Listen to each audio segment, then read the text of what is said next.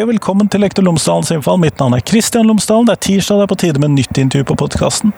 I dag så er det litt spesielt, fordi at du får høre et intervju med Øystein Gilje, som er faglig leder ved Fiks forskning, innovasjon og kompetanseutvikling i skolen, som er et senter lagt ved Universitetet i Oslo. Han er også førsteamanuensis ved Universitetet i Oslo. Eh, grunnen til at jeg tar dette intervjuet i dag, er rett og slett for at i dag så kommer han til Bergen for å holde foredrag om dette, bl.a.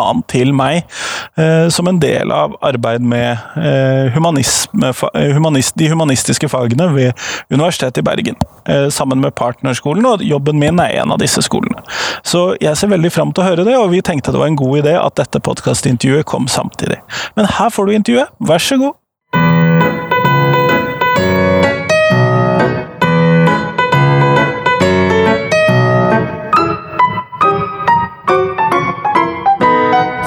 Hei! Før du får intervju på podkasten, så vil jeg bare fortelle at jeg har opprettet en Patrion-konto til Lektor Lomsdalens innfall. Dette er fordi at eh, jeg driver podkasten uten eh, nevneverdig reklame og uten nevneverdig inntekt. Det koster ikke så mye å lage en podkast som eh, min, men det koster lite grann, og jeg hadde håpet at jeg kan få litt støtte og hjelp til å drive podkasten videre. Dette handler om penger både til å friske opp utstyret og gjøre nødvendige innkjøp der, men også for å kunne ha penger til å eh, reise på intervjuturer, sånn at det blir litt flere byer enn de vanlige Oslo- og Bergens-intervjuene som det har blitt en del av på podkasten. Så jeg hadde håpet at du kunne hjelpe meg med det. Du finner Patrion-kontoen min på patrion.com slash eller skråstrek lektor Lomsdalen i ett ord. Patrion.com slash lektor Lomsdalen, altså. Men nå får du intervjuet, vær så god!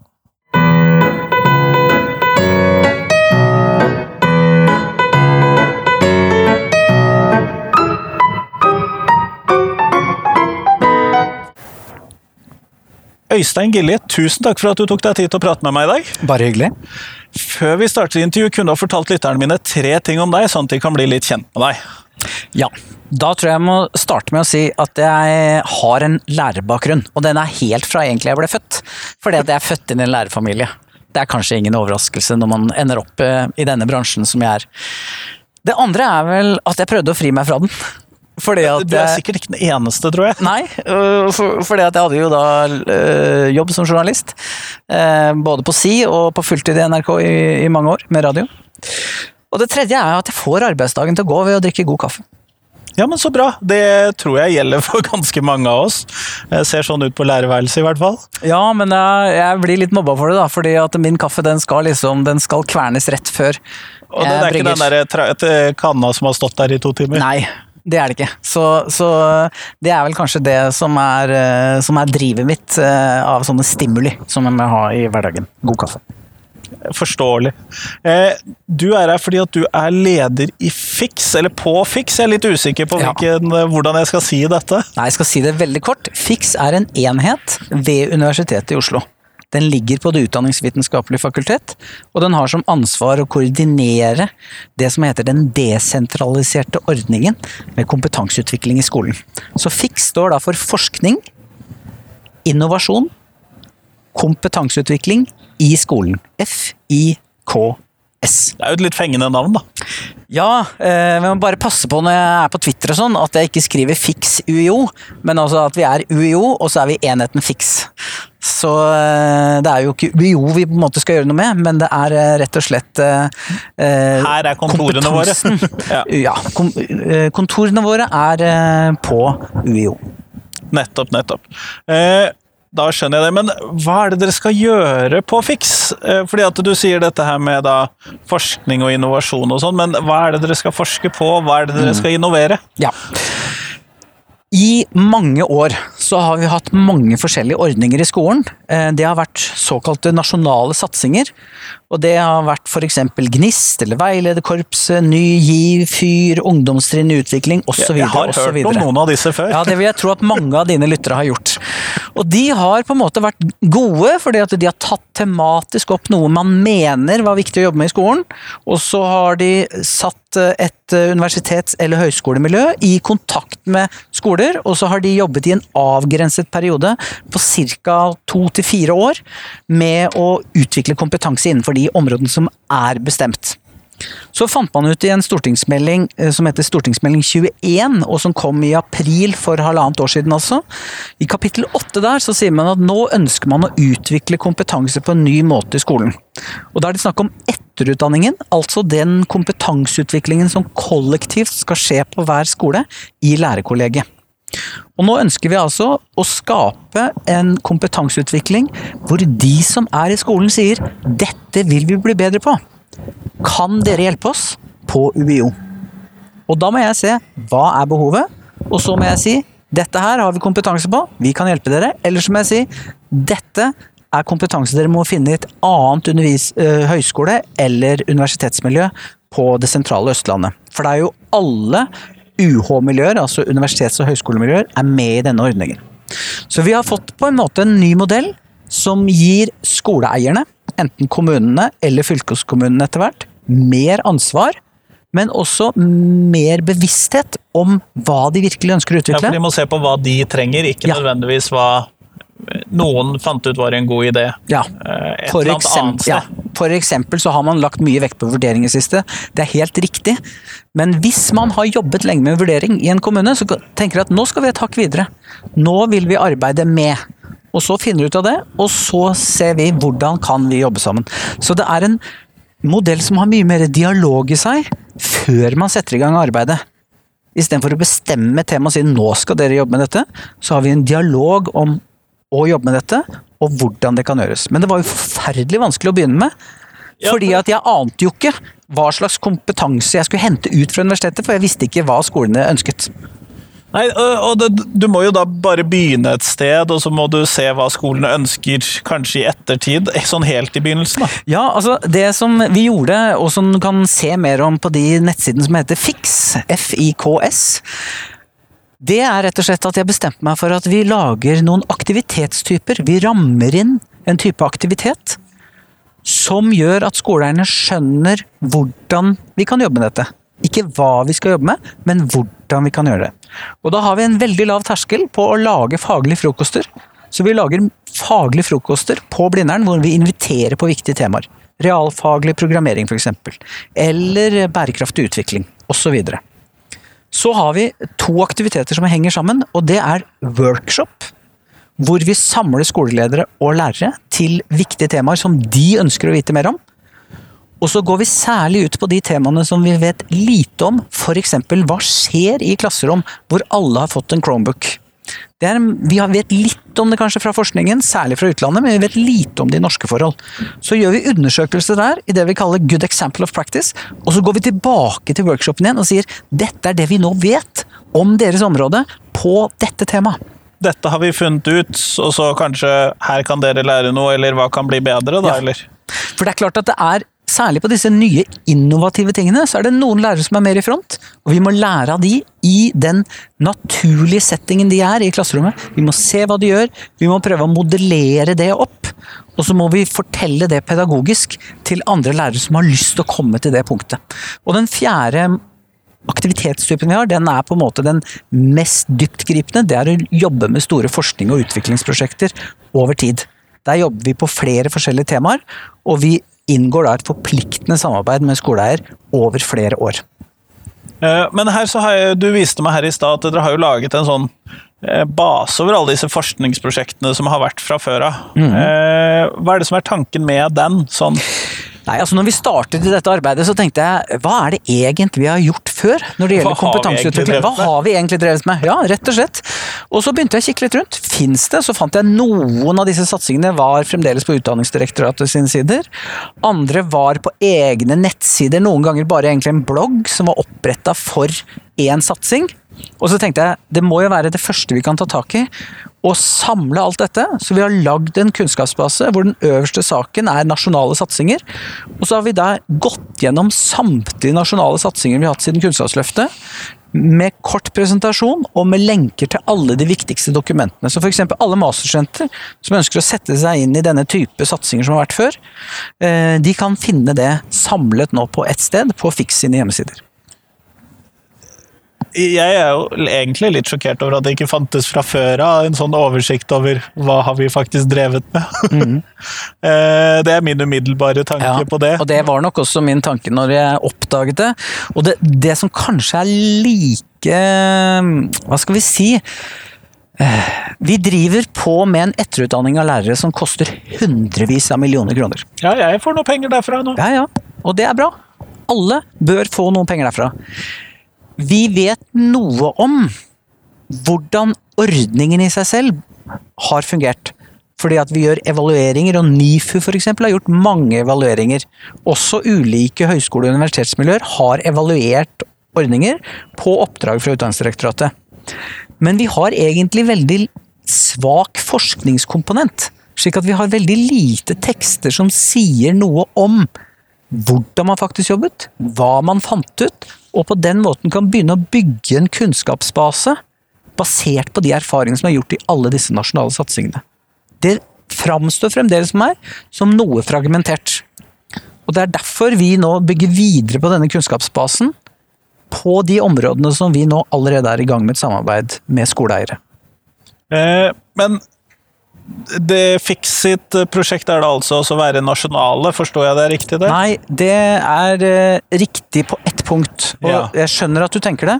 Fordi at når vi har internett, eh, og vi skriver kunnskapsbasen vår primært på norsk, så er det klart at alle i- i Norge, og alle som kan lese norsk, må selvfølgelig gå inn i kunnskapsbasen vår og lese om det vi jobber med.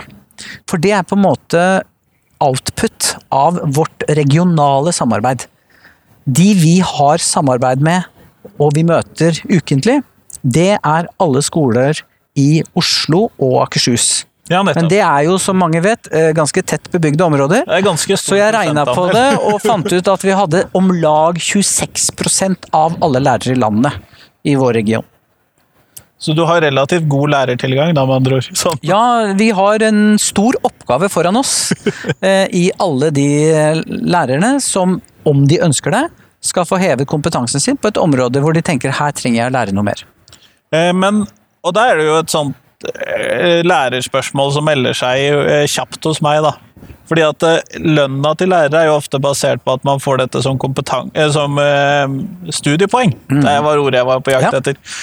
Er dette type studiepoenggivende kurs, eller er dette mer sånn eh, etterutdanningskurs uten studiepoeng-type ting? Eller hva er tanken her, sånn sett? Det er det siste. Fordi at eh, vi må skille det, det, Forkortelsen på dette er jo EVU. Etter- og videreutdanning. Og hovedforskjellen der er at etterutdanningen er en kollektiv prosess hvor lærerfellesskapet på skolen, gjerne kalt et lærende nettverk, arbeider enten fagspesifikt eller tematisk i fellestiden sin. Og jeg skulle ønske meg personlig at fellestiden til lærere at den ble utvidet. Ikke minst i de årene hvor vi nå skal ha fagfornyelsen inne i skolen. Videreutdanningen er mer individuelt innrettet. Den er innrettet mot de lærere som sier de ønsker å heve sin kompetanse. Ta 30 studiepoeng, kanskje få et lønnstrinn eller to mer, som en prosess der. Og der er det jo lagt ned masse penger. Det syns jeg er kjempebra, men det er altså ikke det vi gjør i desentralisert ordning. Men Nå klargjøring. vil det selvfølgelig være eh, god kobling mellom de tinga. For når du får lærere som har fått lov til å ha litt mindre undervisning fordi de skal ta studiepoeng, så vil jo de være en kjemperessurs i de lærende nettverk. Fordi vi har helt fersk kunnskap knyttet f.eks. til matematikkdidaktikk, til engelskdidaktikk osv. Kanskje tematikk som hele skolen arbeider med på et eller annet vis. Så jeg tror at eh, etterutdanningen og videreutdanningen over tid vil spille sammen, men den er rigget på en måte på to ulike måter. Og det vi gjør i Fiks, er rettet mot etterutdanning. Ja, men eh, god klargjøring.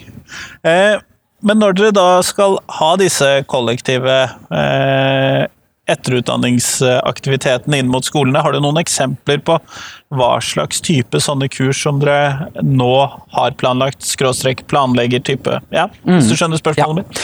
Vi har eh, for en rekke skoler eh, i Follo og Øvre og Nedre Romerike, det er 20 kommuner til sammen som eh, er samla.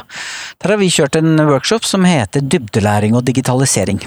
For det pågår på en måte to utrolig spennende prosesser samtidig i norsk skole nå. Ja. Da snakker jeg særlig én til ti. Vi skal innføre fagfornyelsen. Og sentralt i det er en forståelse av hva dybdelæring er, og hvordan vi kan tilrettelegge for dybdelæringsprosesser. Dette dreier seg om å finne kjernen i faget, kjerneelementer.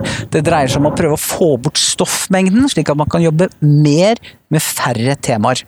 Bli bedre på de, de viktige tingene. Helt riktig. Samtidig så foregår det altså en enorm digitalisering. Vi sitter her nå på Z-dagene, sant?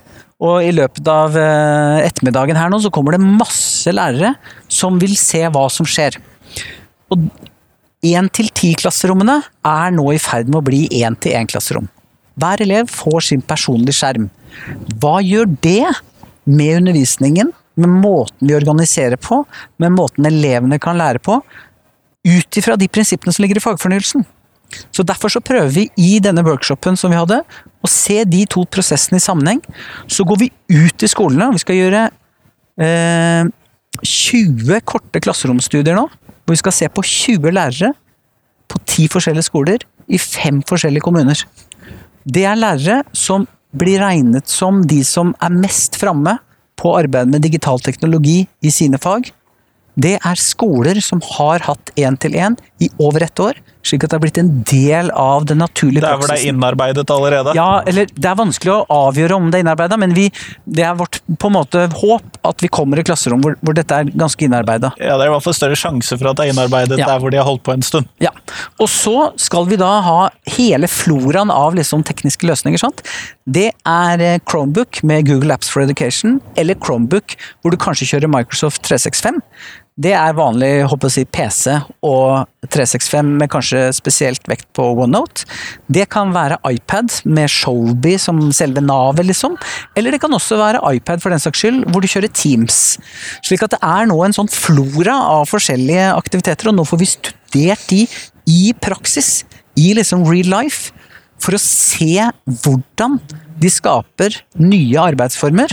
Slik at vi ikke har bare antagelser eller bare ønsker å selge inn én teknologi, men vi får altså en variasjon i dette her. Og da gjør vi disse på ungdomsskolen fordi at vi ønsker å avgrense noe. Ja, for vi, ellers så blir det jo altfor ja, mye. vi, første klasse og andre klasse på videregående er eh, veldig forskjellige ting. Ja. Da mener jeg første klasse i hele grunnopplæringen. Ja. Regner jeg med. Eh, Nei, jeg ser det, men eh, Og når man da ser at du har så mange hva skal vi kalle det, utstyrsvarianter, da, Mm. som dere da har med i denne studien, er det da nok med 20 skoler? Nei, 20 lærere? Ah, nei, eh, men det er det vi klarer å gjøre. Og, og jeg sier ikke at dette her er Dette er ikke et tungt, stort forskning- og utviklingsprosjekt. Eh, dette er et prosjekt for å skaffe noe systematisk innsikt i hva som skjer i klasserommene, på skolene, som da deltar på en ny workshop igjen til våren, hvor vi skal løfte fram noen av disse funnene. Slik at vi, Dette er primært for å melde tilbake til skoleeiere. Dette er det vi ser, dette er det som skjer på skolene nå. Og så vil vi i løpet av våren, kanskje mot sommeren, skrive opp noen rapporter som vi da presenterer nasjonalt på kunnskapsbasen. Og kan Hva ta med ut til de andre skoleeierne igjen. Ja.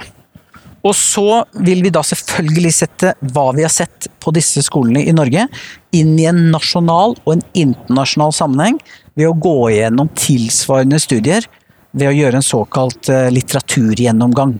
Slik at de vil være koblet på forskning, slik man vanligvis gjør i forskningsartikler. Nettopp sånn at eh, Målet er jo da å bygge opp mest mulig kunnskap om både det vi gjør, men også om Mm. hva andre lærere gjør, sånn at man kan lære av de. da. Ja, og bare for å ta et eksempel, altså eh, IKT-senteret har siden 2003. Nå er de lagt ned, eller det vil si de er fusjonert inn i UDIR. De har laget en slags monitorskole, eller skolens digitale tilstand. Og det gjorde de fra 2003 til 2016. Med andre ord, lang historikk. Ja, men vi vet ingenting egentlig. Etter det.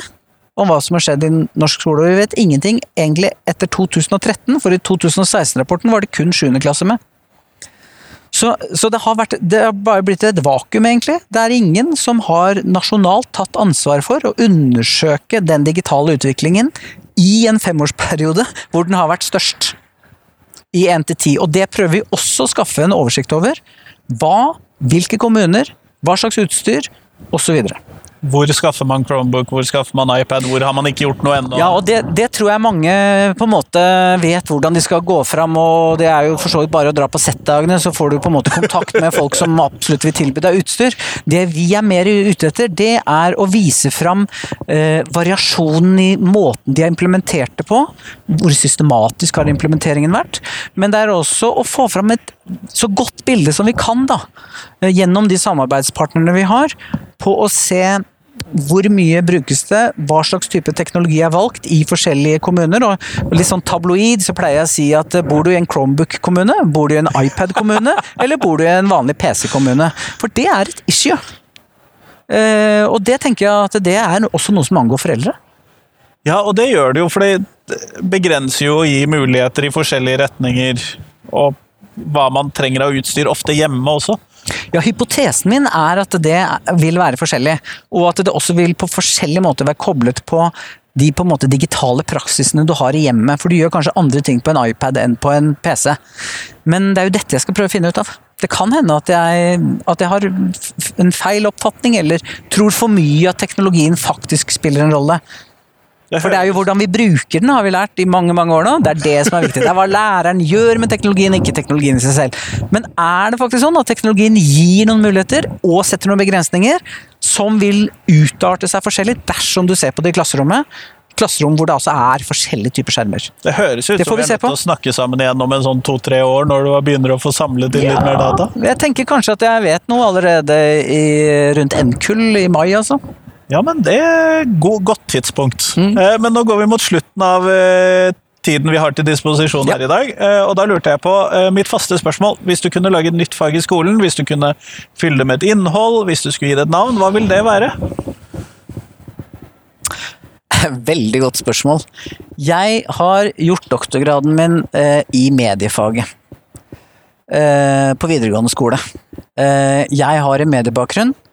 Og jeg ser at norskfaget prøver å ta inn medieaspektet i samfunnet i sine tekster. Reklame Blant annet og... multimodale tekster, ja. sammensatte tekster har vi kalt det kanskje mer på norsk, og sånne ting. Jeg tror kanskje at vi trenger et fag eh, som ikke tar utgangspunkt i at kunnskap må arbeides med i skrift, men i andre uttrykksformer. F.eks. bilde, lyd og sånne ting. Så kanskje man skulle på en måte sagt at deler av norskfaget på ungdomsskolen skulle vært et mediefag. Og den nye skissen vi så nå til norskplanet, det legger på en måte rom for det. Om man politisk får igjennom å ta bort liksom dannelsesfaget per se i norsk skole, og si at halvparten av det skal være et mediefag på ungdomsskolen, det tror jeg ikke noe på. Men du spurte om hva jeg ønsket, ja. og da kan jeg si det tror jeg ønsker. Ja, det er flott. Kjempebra. Eh, da skal du få lov til å vende tilbake til eh, programmet ditt her på Z-dagene. Tusen takk.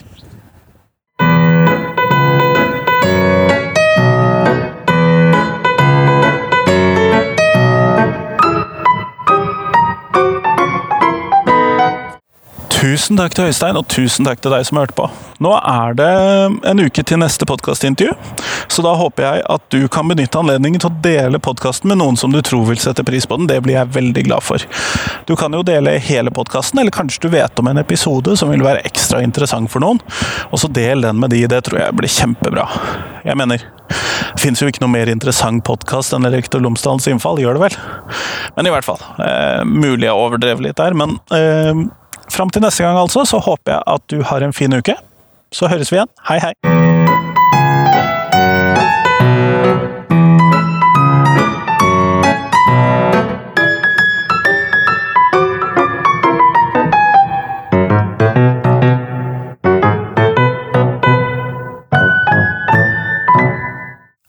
Jeg ville bare minne deg på adressen til Patrion-kontoen min før vi avslutter helt her. Og det er rett og slett patrion.com slash lektorlomsdalen. Patrion.com slash lektorlomsdalen.